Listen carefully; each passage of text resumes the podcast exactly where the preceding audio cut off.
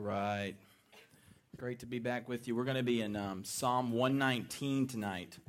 So if you if you find literally the exact middle of your Bible and open to it, you're going to be close. In fact, Psalm 117 is the middle chapter of your Bible, exactly. So Psalm 119 is where we'll be. It's the longest chapter in Scripture, Psalm 119. There's 176 verses in Psalm 119. So we're going to walk through each one step by step. No, I'm just kidding. We're not going to do that. We're going to look at eight verses in Psalm 119. As you flip there, can we pause one more time and pray? Ask for God's help tonight. Let's pray one more time. Father, thank you for uh, bringing us here to listen to your word. And God, I pray that you would, by your Spirit, just sweep over this room tonight and, um, God, change us, convict us, shape us into the image of Christ, and do so by motivating us through your word to memorize Scripture on a regular basis. In Jesus' name, amen. So I'm going to let you know my goal up front tonight. So there's no there's no hiding it. Get the cat out of the bag. The goal tonight is to persuade you with the Word of God to build a habit, a routine of memorizing Scripture as a spiritual discipline. Okay? So I'm just telling you that up front so you know where we're going. With that said, how many of you have a song memorized completely, word for word? Raise your hand. Right? That should be almost everyone, if not everyone. Okay, good, right? Even if it is Jesus loves me, right? So you have a song. How, how many of you then, let's go one step further, have large portions of a movie memorized, word for word? Yeah. Can you can you name some of the movies you have memorized, a large portions of? All the Lord of the Rings trilogy. Wow, that's very good, Charlie. Cars movies, you would. Yes. Home Alone, nice. Christmas Vacation, like Nash, National Lampoon's Christmas Vacation. Grace. Captain America, nice. Dark Knight, nice. J- Joker, the new Joker. Yes. What? Say louder. Five feet apart. I don't know what that is. I've never seen it. Am I supposed to have seen it? I don't, I'm not sure. Last one, Mariah. Nacho Libre. Excellent. Nice. So, so um, just so you know, I'm a, a, little bit about me. So we have, um, I have basically all of Dumb and Dumber memorized word for word. And Renee and I built a friendship before we were dating on quoting Dumb and Dumber to one another. Okay? So we, we both knew the movie. That's how we built the friendship. So there you go. We got married, and now we're about to have five kids, so it all worked out. So quote movies. Find someone who knows the same movie you do. That's the lesson there. That was for free. Okay. So maybe you got some shows memorized, like The Office, Parks and Rec, something like that, right? Okay. So, shh. So now my question is bring it in, bring it in. What causes us to memorize those things? Because if we were, if we think about it, let's think about your favorite song. You don't always set out to, you're like, I'm going to memorize this song, right? You just, what happens is you love the song, so you listen to it on repeat over and over and over again till the people that ride in the car with you get sick of it, right?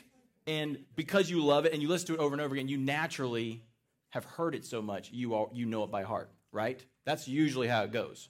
Plus, it's put to a beat, and music does something to us where we just remember stuff. I don't know how music works that way. God designed it to, to be that way, and that's amazing. But that's, that's usually how it goes. But then there's another way that we would memorize, and maybe you've done this with songs. So, like maybe like a rap song where they're going super fast, and you're like, I got to memorize this song. So, you will print out the lyrics.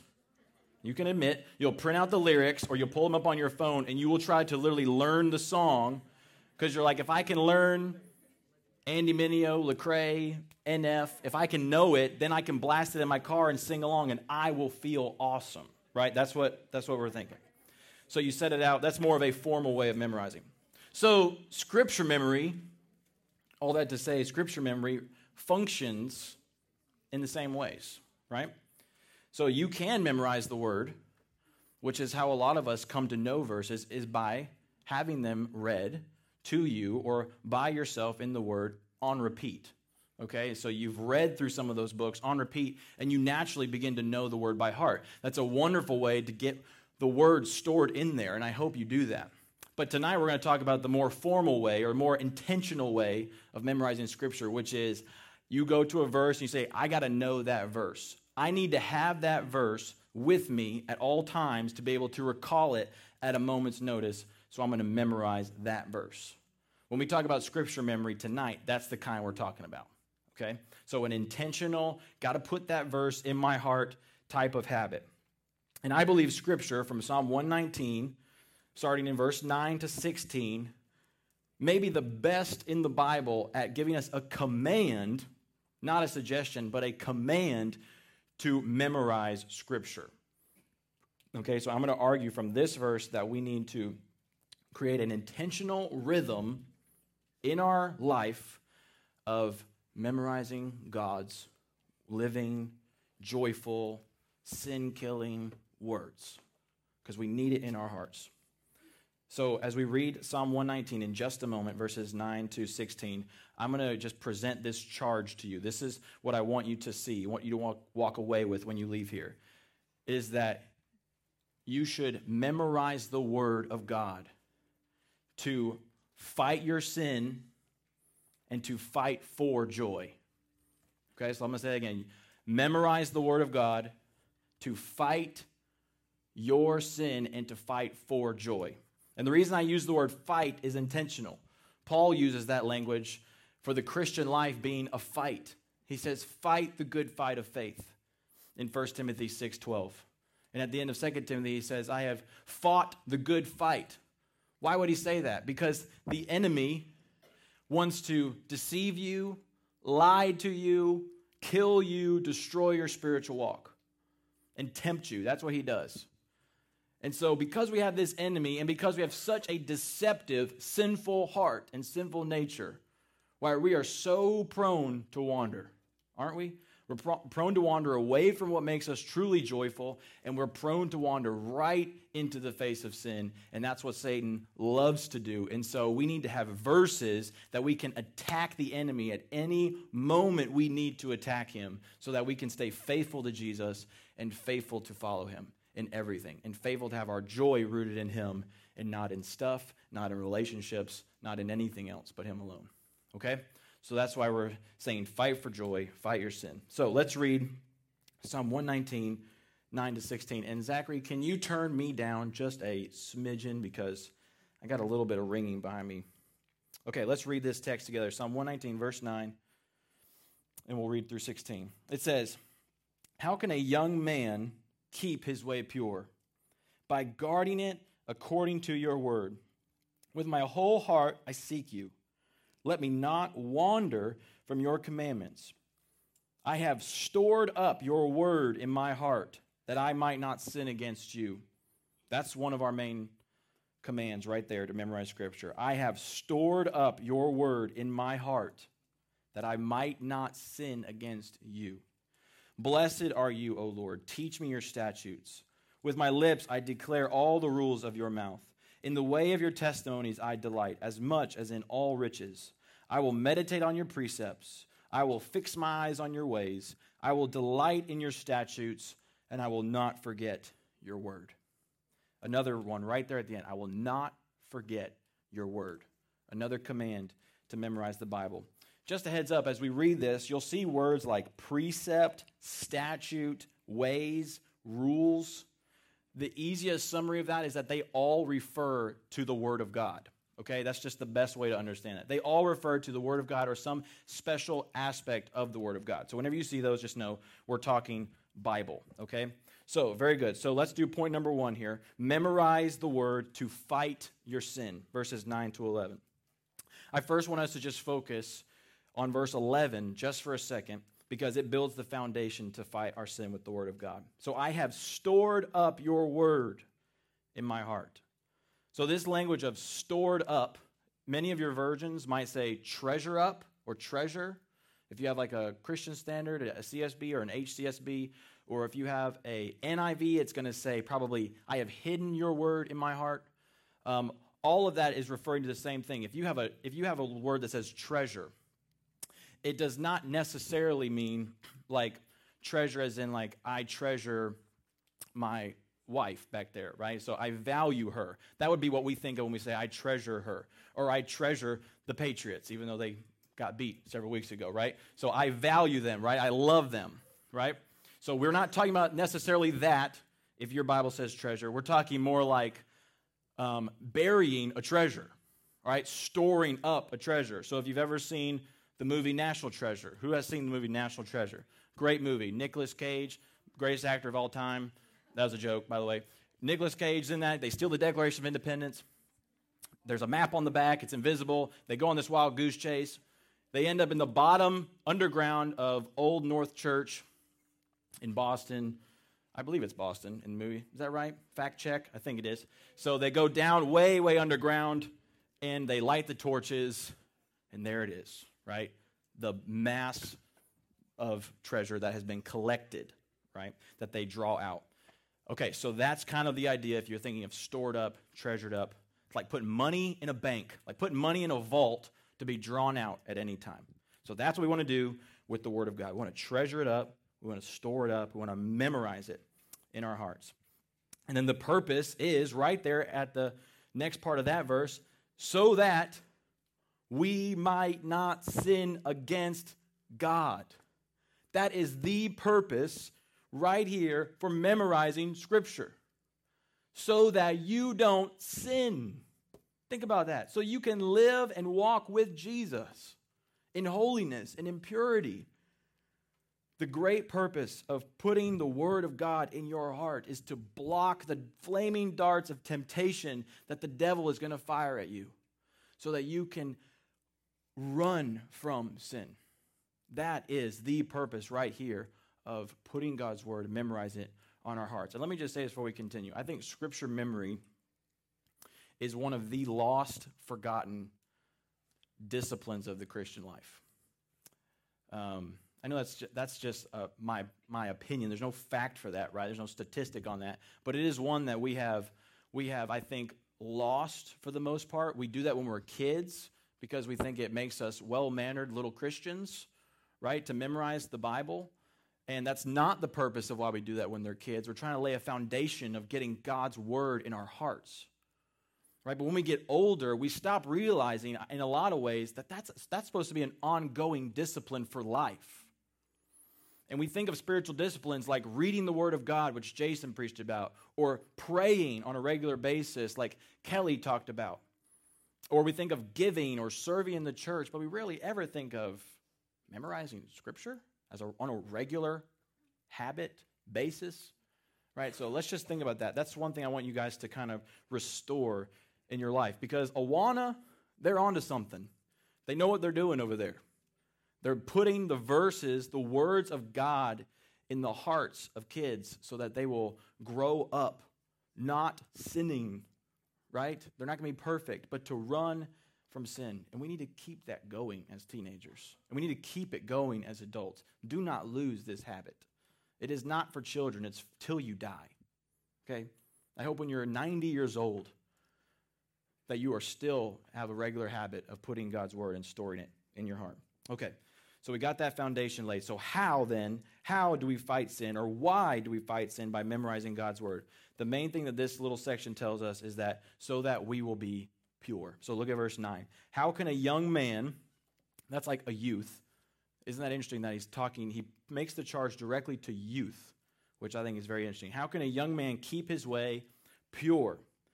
Okay, so purity here speaks of being undefiled or clean. So if you think about when it's snowed on a, on a road. I'm praying for snow, that we get some snow before the winter ends. Okay, we need a snow day, do we not? We do. Let's all pray. Let's pray as a church for a snow day. We'll, maybe we'll get one. When it snows on the road and it's that clean, white, crisp snow, right? You can all picture it. But it, before it's been driven on, before the plows come through, right? It just looks perfect, pristine, it's clean. So think of when you think of pure, think of that white as snow road before it's been touched.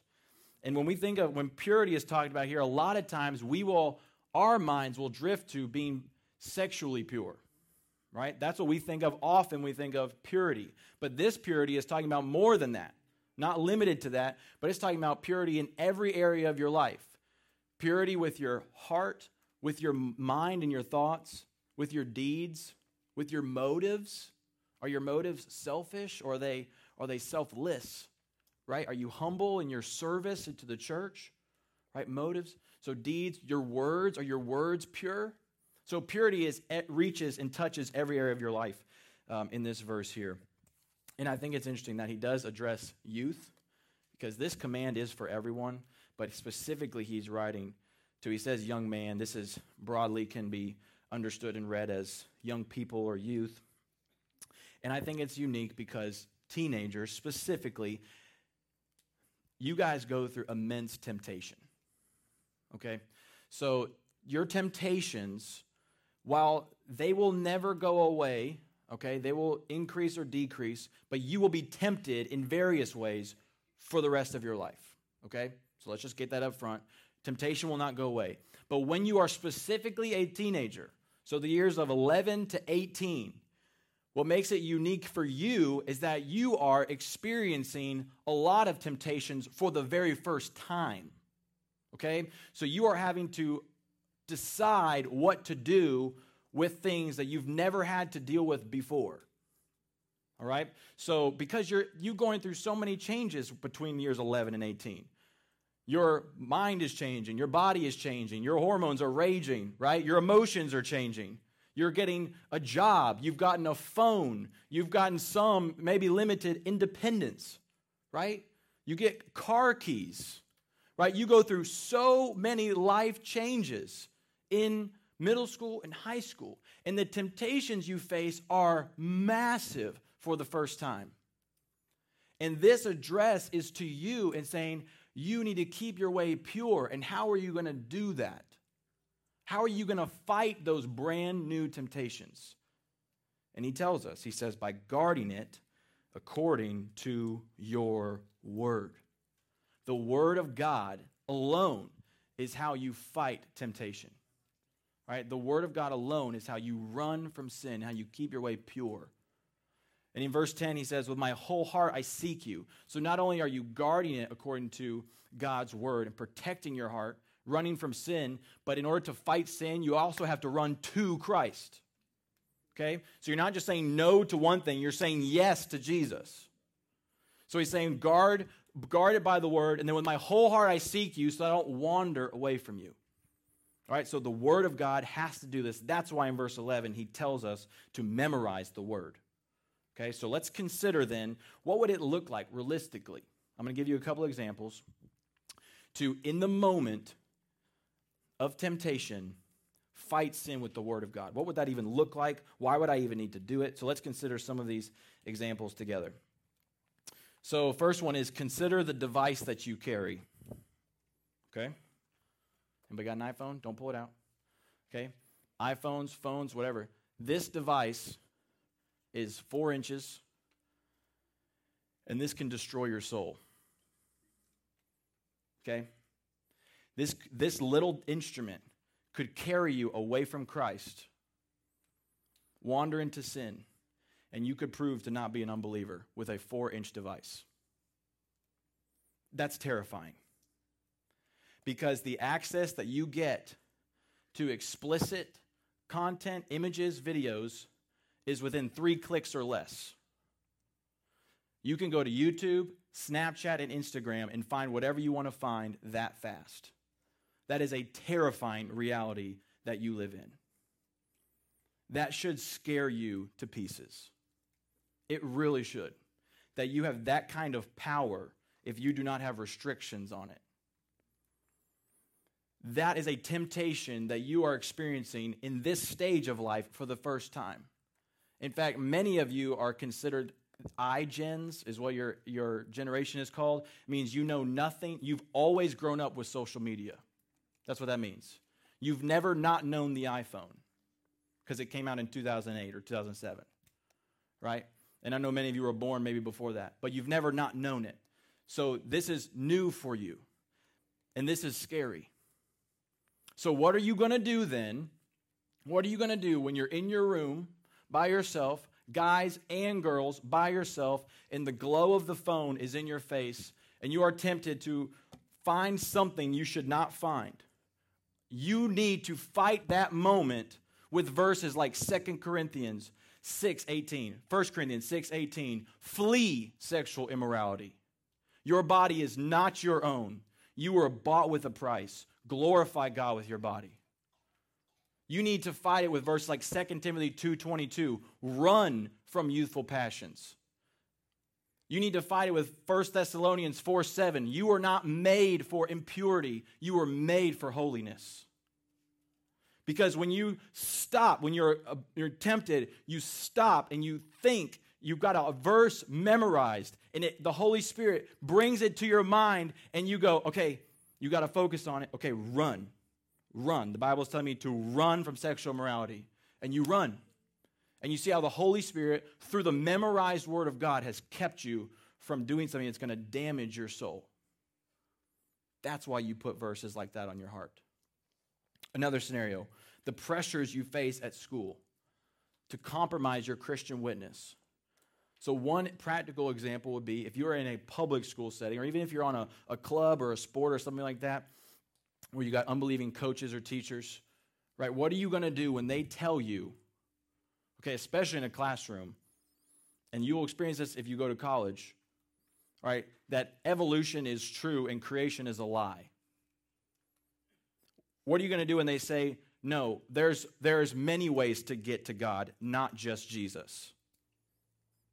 What are you going to do in that day? Will you be ashamed and lean into them and compromise for the sake of a grade?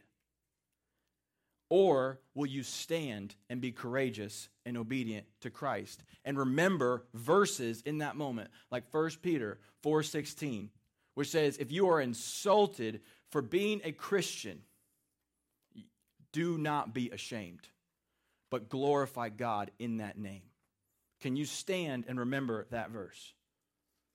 Or 2 Timothy 3:12 Whoever desires to live a godly life in Christ Jesus will be persecuted. Can you stand in that moment and be courageous and be obedient and stand for Jesus, even if it makes you get a C or a D or an F? What will you do? We have to fight it with the Word of God.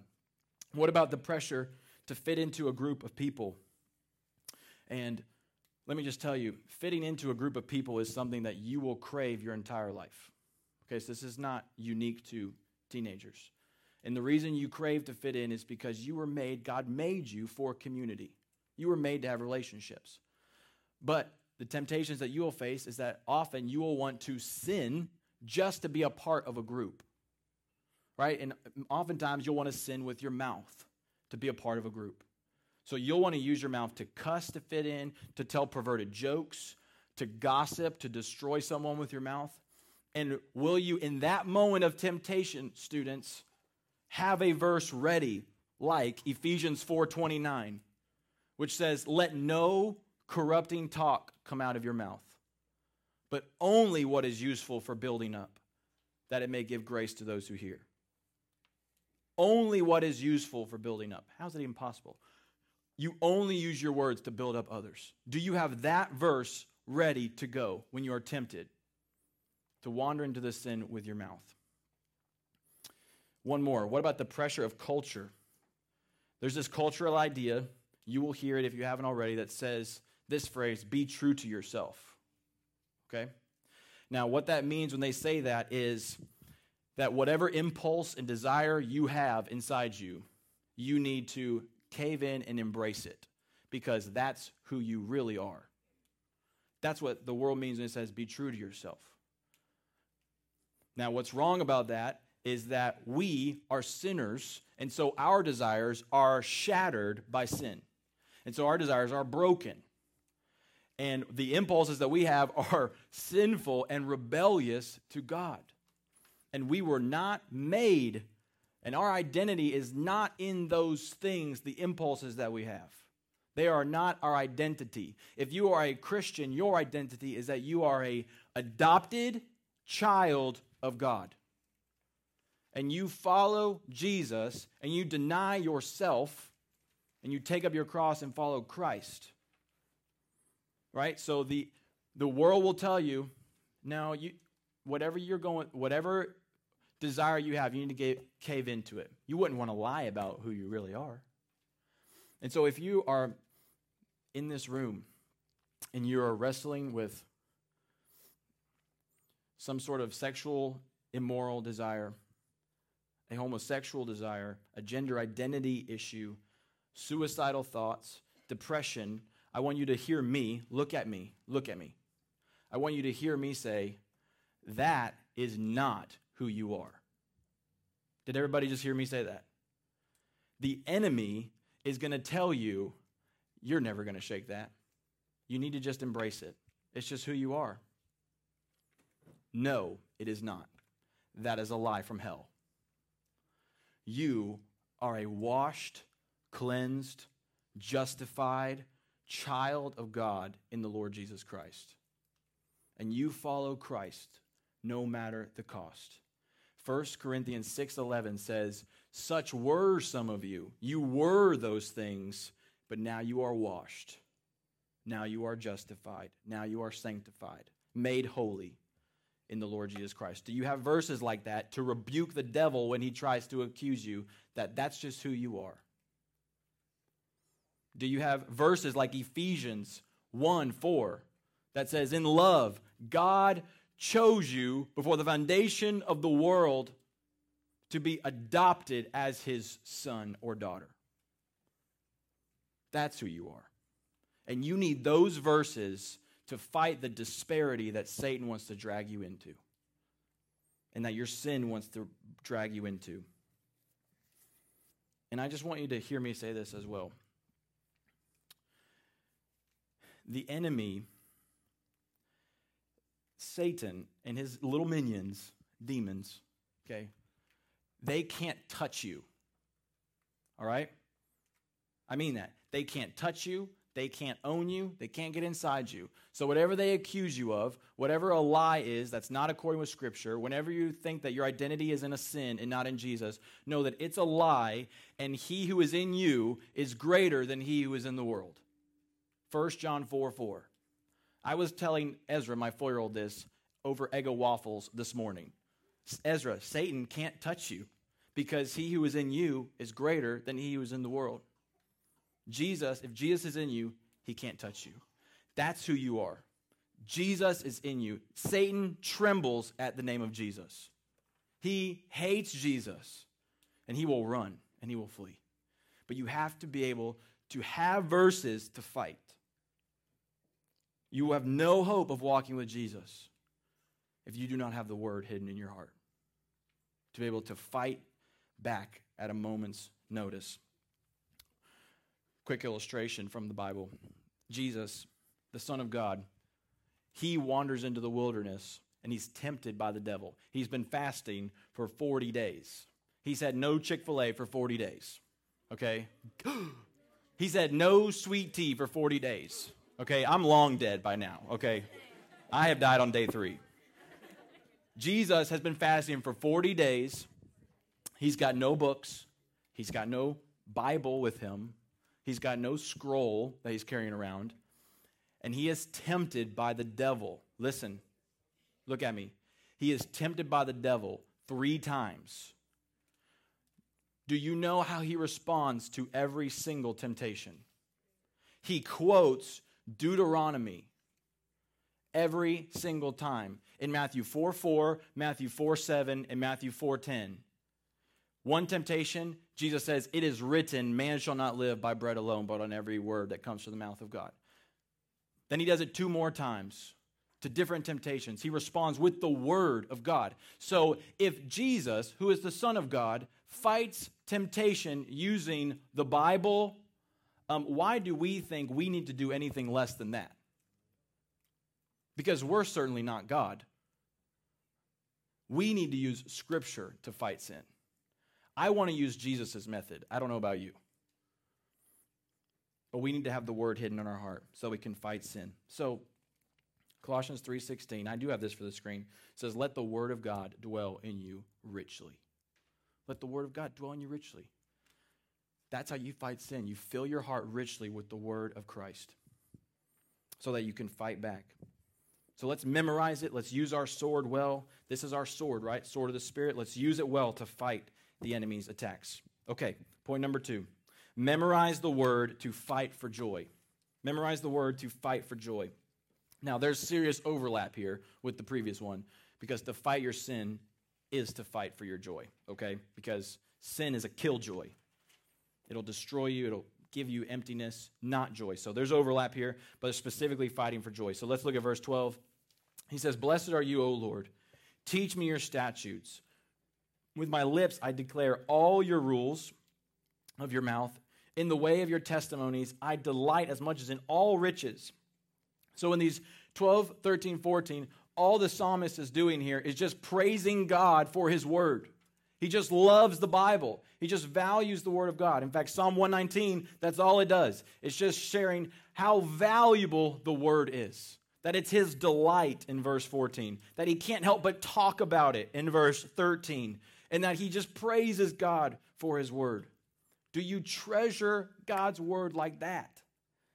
The reason He treasures God's Word like that is because He knows the power of the Word of God and the value that the Word of God gives to us. It produces joy, it produces transformation to be like Christ, it makes us holy.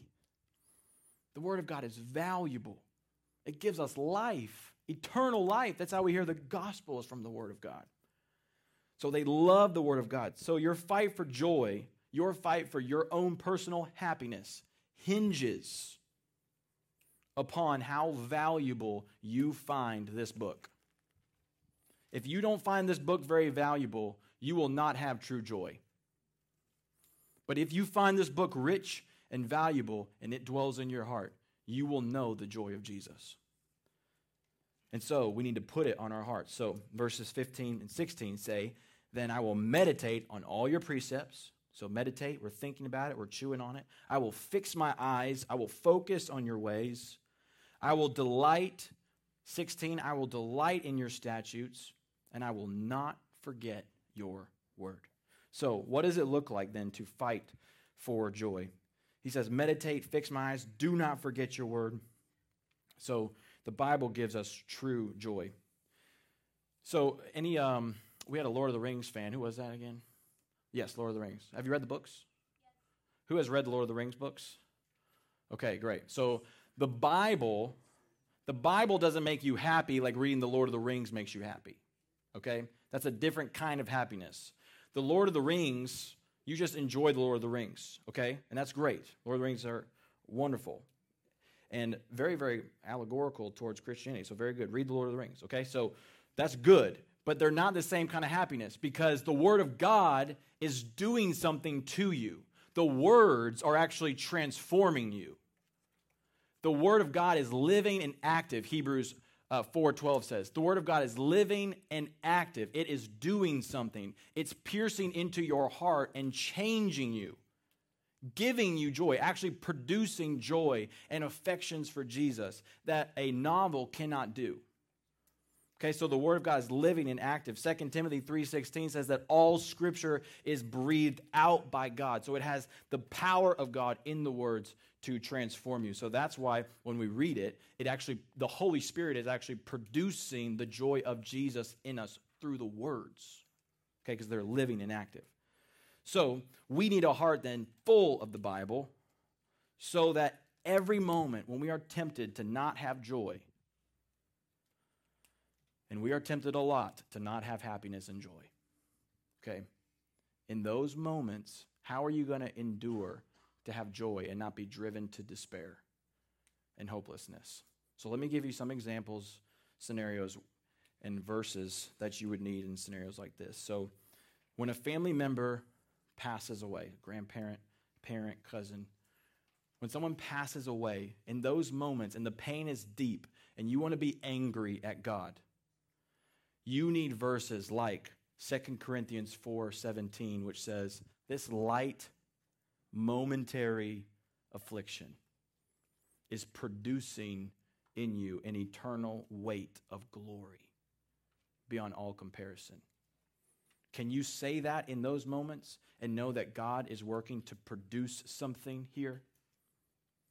If you're walking through some serious difficulties at home, and some of you are going to go home tonight into difficulty, I'm aware of that. Do you have a verse ready to fight for joy? Like James 1 2. Count it all joy, my brothers, when you meet trials of various kinds, because the trials producing steadfastness, endurance, and let steadfastness have its full effect, that you may be perfect, complete, lacking in nothing. Do you have that on your heart to fight for joy, where you can think about that and go, okay, God is doing something. He's making me something. I can hold on to Him.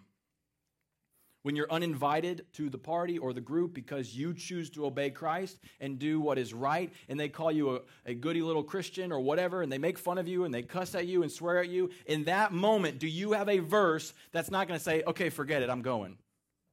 Or do you have a verse that's going to fight for joy, like Matthew 5 11 and 12, which says, Blessed are you. The word means happy in the original language. Happy are you when they revile you, persecute you, and utter all kinds of evil falsely against you on the account of the name of Jesus. Be glad and rejoice, for your reward is great in heaven. Do you have verses like that on lockdown so that you can fight for joy in those moments? What about this one when you're plagued by the anxiety of school and you do not want to be happy? You need verses like Philippians 4 6. Do not worry about anything, but by everything, by prayer and supplication, pray about everything by prayer and supplication, make your requests known to God, that the peace of God, which surpasses all understanding, will guard your heart and minds in Christ Jesus you got to fight for joy with the Word of God. Because in that moment, because I've been crazy anxious about school, and you got to think, okay, if I don't worry about it and I pray about everything, Jesus says, don't worry, pray about everything. And the God who cannot lie ever says, the peace of Christ will guard your heart. Do you believe that? Do you believe that God cannot lie to you? Look at me. Look at me. Look at me. Do you believe that God cannot lie to you? He's God. His word is true. What he says, he does, always. So when he says to you that my peace will guard your heart, do you really believe that? Are you really going to cast your cares on him and not worry? That's really hard to do. But it's true. We need the faith. We need God to help us, Jesus to help us have the faith to believe that it's true in the weight of your sin, on days when you are burdened by the weight of your own sin and it feels like it's crushing you. You've struggled with the same thing over and over again. Do you have verses like Romans 8 1 on your heart that says there's no condemnation for you in Christ Jesus? That in verse 39, nothing can separate you from the love of Christ. Nothing. Do you know that? It is the only thing that's going to give you joy in those moments where everything stinks. And Jesus will pick you up, and he will give you grace, and he will forgive you, and he will remind you of who you are in Christ. But we need the Word of God to help us do this. So, I've given you reasons why we memorize the Word. I want to close with some practical tips. It would be wrong of me to then send you out here and not give you some practical tips on how to memorize the Word of God. So here you go. So I have named them for you, okay? So these are these names are original to me, but you may copy them. I do not mind, okay? So what you should do first is while you're reading the Bible, so read your Bible first, and as you are reading, you come across a verse and you say, "Man, I really need that verse in my heart." Okay, so you pick a verse. I'm going to memorize that this week. So here are some methods. Okay, I'm going to go through, I'm going to describe each one. So the first method is called the index card. Okay, this one's pretty simple. Take a index card, a three by five note card, write the entire verse out, word for word, on a note card. Keep the note card in your pocket for the day. When you go to school, if you are allowed, when you go to school, take the note card out and set it on your desk for the day. Okay? That way, you are ongoing, in ongoing uh, repetition reading the note card. Does that make sense? You're seeing it over and over and over again. Scripture memory is all about repetition. Right? Just read it as much as you possibly can. So you're just being constantly reminded. When you're walking to the cafeteria, pull it out of your pocket and read it. When you sit down a little bit early in class, pull it out and read it. So there you go. It's a good for school or work. So the index card. The pen scratch. Um, this is taking a pen and writing the reference of the verse on your hand. So you don't have the words of the verse, but you have the reference that maybe you read this morning, and you can every time you look down, you're reminded of the verse. So it's at least getting the memory of the, the verse and its meaning on your heart. Okay, that's good. The lock screen. This one's pretty self explanatory. So pull out the Bible app on your phone, take a screenshot of the verse, and then set it as your lock screen, your background on your phone because statistically, you and I look at our phones about 100 bajillion times a day, or whatever the stat is now, okay? We pull out our phone, it is literally like 430 times a day, or something like that, whatever, it doesn't matter. It's hundreds of times we look at that phone and we'll see the verse, okay? And so when you see the verse, you'll be reminded of it, you can read it, glance at it, and repetition. It's getting that verse lodged into your heart.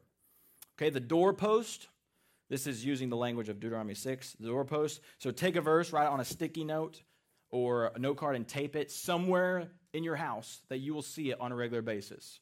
So it could be the doorpost, could be the mirror of your bathroom, could be the uh, you know cinnamon toast crunch box that you pull out every morning. Whatever it is, you put it somewhere where you're going to see it. You're going to be reminded of it while you're brushing your teeth, eating cereal, wherever you are. You can put it in the dashboard of your car, something like that. Okay, the masterpiece for all you art people, if you hate writing words, okay, the masterpiece is for you. I feel like I'm selling it. The masterpiece is for you, okay? So this is basically illustrating or drawing the verse in pictures, okay? So I don't do this, but a lot of people that are artsy do this, and I think that's good, right? Your brain learns different ways. So draw the images that kind of the verse reminds you of, and you can memorize it that way as well. All right, the phone app. There are multiple apps for memorizing, literally dedicated to memorizing scripture. Um, and I use a, an app called Fighter Verses. Fighter Verses is awesome. It does cost you about three bucks. Sorry about that. But if you want to pay, if you want to pay for an app, and you're like, I can't afford that, you're going to go to, you know, Starbucks or Chick fil A this week or whatever. So, three bucks for a phone app that you can memorize verses. And Fighter Verses is great because it, um, it has like groups of verses already built in. So if you're like, I want to memorize seven verses about the love of God, it has a category built in. You can click the love of God, and it's already got verses built in for you to memorize. It's got great tools like you can quiz yourself and all this stuff. I use it. Um, maybe I'm weird, but I use it. I think it's really great. I recommend it to you. Um, three bucks. You can make your own um, groupings. So if you're like, I want to build a group of verses that help me fight my lust, you can do that in the app. It's really good, really good app. So I recommend it to you. Um, and they have like year long plans for memorizing verses. Anyway, you can play around with it. The last one I have called the long term. And I won't go into detail about this, but this is how you memorize longer passages of Scripture. So, like a chapter or like a section, right? And it is a, uh, a method based on daily repetition. I use this for memorizing um, the passages of scripture that I'm, I'm working through right now. And uh, I think it's really, really useful. I'll give you details. If you're interested in the long term, just come talk to me and I'll walk you through how to do that. Um, I have used, maybe not the masterpiece, I'm not sure, but I have used all of these at different points in my life to memorize scripture. Okay, and I recommend them to you. So, my final exhortation is that we get started. Okay, so pick a verse that you want to lodge into your heart Okay, and I'm going to challenge you tonight to pick a verse tonight and set your heart to memorize it between now and next Wednesday. So you got one week. Pick one verse and spend one week on it. Pick a method, use multiple, and I'm going to challenge you to do that because I believe that God will transform you if you will do this on a regular basis. If you memorized one verse a week for 52 weeks, which is a year, you will get 52 verses you didn't know before in your heart. That's a lot. 52 verses in a year? I, I really, really recommend that. Think about that. So if you do two years, what is that? 104 verses, right? To put that in perspective, in two years, the book of Philippians is 104 verses exactly. So in two years, you could memorize the entire book of Philippians by doing one verse a week.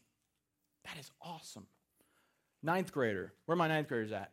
What if by 11th grade, Micah, what if by 11th grade you had the entire book of Philippians memorized? By 11th grade. How awesome would that be? You can do that, one verse a week. I want to challenge you to do this. Now, listen, listen, don't pack up. I got to tell you this. Don't leave before you hear this. Scripture memory is hard and discouraging. Okay? Please hear me. Jesus is the only one who fought temptation perfectly. He is the only one who has perfect joy. He fought temptation perfectly in your place. Okay, he is the perfect scripture reciter in your place.